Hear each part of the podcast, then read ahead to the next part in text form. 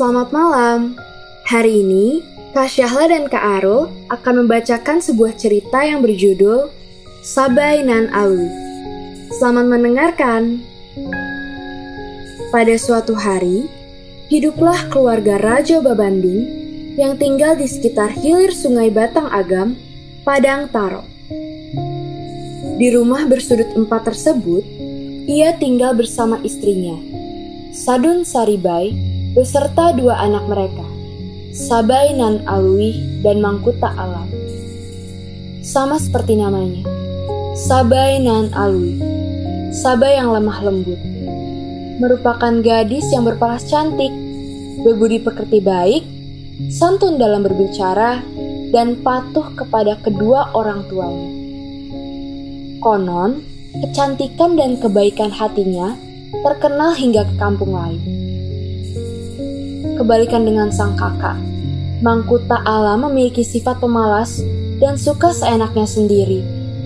Meskipun berwajah tampan, tapi karena selalu main layangan tiap hari, kulitnya lama-kelamaan menjadi hitam karena terbakar sinar matahari. Raja Babanding memiliki seorang sahabat dekat yang merupakan saudagar kaya raya di kampung Situju. Sang sahabat tersebut memiliki nama Rajo Nan Panjang. Sayangnya, Rajo Nan Panjang memiliki sebuah perangai yang buruk. Ia suka memeras warga secara halus. Rupanya, ia sering meminjamkan uang kepada warga sekitar namun, bunga yang dia bebankan kepada sang peminjam sangatlah tinggi. Walau begitu, warga kampung Situju tidak ada yang berani melawan Rajo Nan Panjang. Alasannya karena ia memiliki tiga orang pengawal bernama Rajo Nan Kongkong, Lompong Bertuah, dan Palimo Banda Alam. Kecantikan dan kelembutan Sabai Nan Alwi rupanya juga terdengar hingga telinga Rajo Nan Panjang. Bahkan, ia sampai berkeinginan untuk meminang putri sulung sahabatnya itu. Dengan penuh keyakinan kalau Rajo Babanding akan menerima pinangannya, ia mengirimkan beberapa utusan ke Padang Taro. Setelah sampai di Padang Taro, utusan Rajonan Panjang itu langsung menyampaikan pinangannya kepada Rajo Babanding. Namun, pinangan tersebut ditolak. Alasannya, Raja Babanding merasa malu memiliki menantu yang sepantaran dengannya. Tak peduli meski menantunya itu kaya raya sekalipun. Penolakan itu kemudian disampaikan oleh para utusan kepada Raja Nan Panjang di kampung Situju. Betapa geram dan kesalnya Raja Nan Panjang mendengar pinangannya itu ditolak. Ia merasa direndahkan oleh Raja Babanding. Tanpa menyerah, Rajonan Panjang pun berangkat bersama tiga pengawalnya ke Padang Taro untuk meminang gadis pujaannya. Tanpa banyak berbahasa basi, setelah bertemu dengan Raja Babanding, ia langsung mengurak, mengutarakan tujuannya.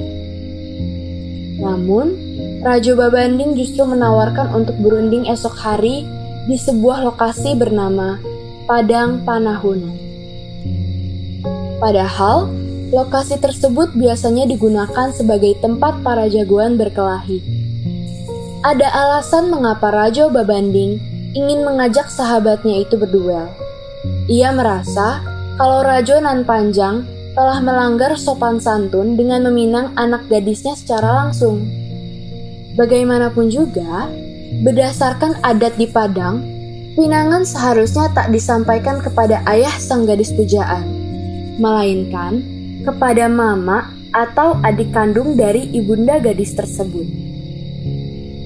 Rajonan Panjang pun menyadari kalau pinangannya telah ditorak secara halus oleh ayah Sabainan Alwi. Ia juga menyadari kalau Rajo Babanding tengah menantangnya untuk berkelahi. Meskipun menyadarinya, tapi tetap saja Rajonan Panjang merasa marah. Rupanya, secara diam-diam, Sabai Nan Alwi mendengar percakapan ayahnya dan Rajo Nan Panjang. Ia langsung merasa khawatir karena menyadari bahwa sang ayah akan berduel dengan sahabatnya. Kemudian ia mengungkapkan kekhawatiran itu kepada Rajo Babandi. Mendengar kekhawatiran itu, Raja Babanding kemudian berusaha menentangkan hati putri sulungnya. Ia memastikan kalau dirinya sudah memiliki sebuah rencana yang matang yang akan membuatnya baik-baik saja. Ketika hari yang ditentukan tiba, berangkatlah Raja Babanding ke Padang Panahunan bersama pembantunya yang bernama Palimo Parang Tagok.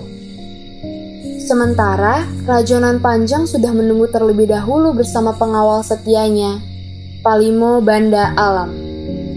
Rajonan Panjang rupanya sengaja datang lebih awal untuk mengatur siasat licik. Dua pengawal lainnya, Rajonan Kongkong dan Lompong Bertuah telah bersembunyi di balik semak-semak. Bahkan, salah satunya membawa senapan yang akan digunakan jika keadaan rajonan panjang terdesak. Pertarungan antara Rajo Babanding dan Rajonan Panjang pun akhirnya dimulai. Dengan dibantu oleh masing-masing pengawal, mereka berduel selama beberapa jam. Para pengawal tumbang terlebih dahulu, sementara kedua pria masih melanjutkan duelnya. Mendadak, sebuah peluru mengenai Rajo Babanding Melihat situasi rajonan panjang yang mulai terdesak, salah satu pengawalnya keluar dari persembunyian dan menembakkan senapan. Seorang gembala tanpa sengaja melihat terse kejadian tersebut. Ia pun langsung berlari sekencang mungkin ke rumah Rajo Babanding untuk memberitahukan kejadian yang baru saja ia lihat. Betapa terkejut dan kesalnya keluarga Rajo Babanding mengetahui hal tersebut. Sabai sendiri langsung merasa lemas. Tak pernah terlintas di pikirannya kalau ia akan kehilangan ayahnya secepat itu. Ia pun mengajak Mangkuta Alam untuk melihat kondisi ayahnya di padang panahunan.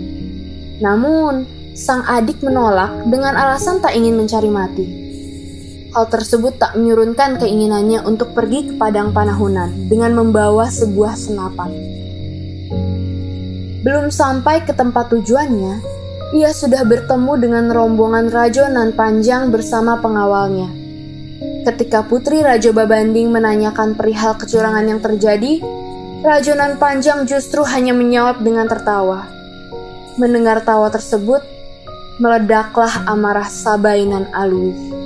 Ia merasa kalau rajonan panjang tengah mengejek kematian ayahnya.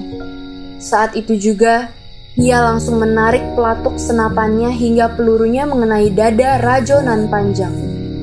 Tanpa mempedulikan rajonan panjang yang jatuh tersungkur dan tewas seketika, Sabai kembali berlari ke padang panahunan untuk melihat kondisi sang ayah.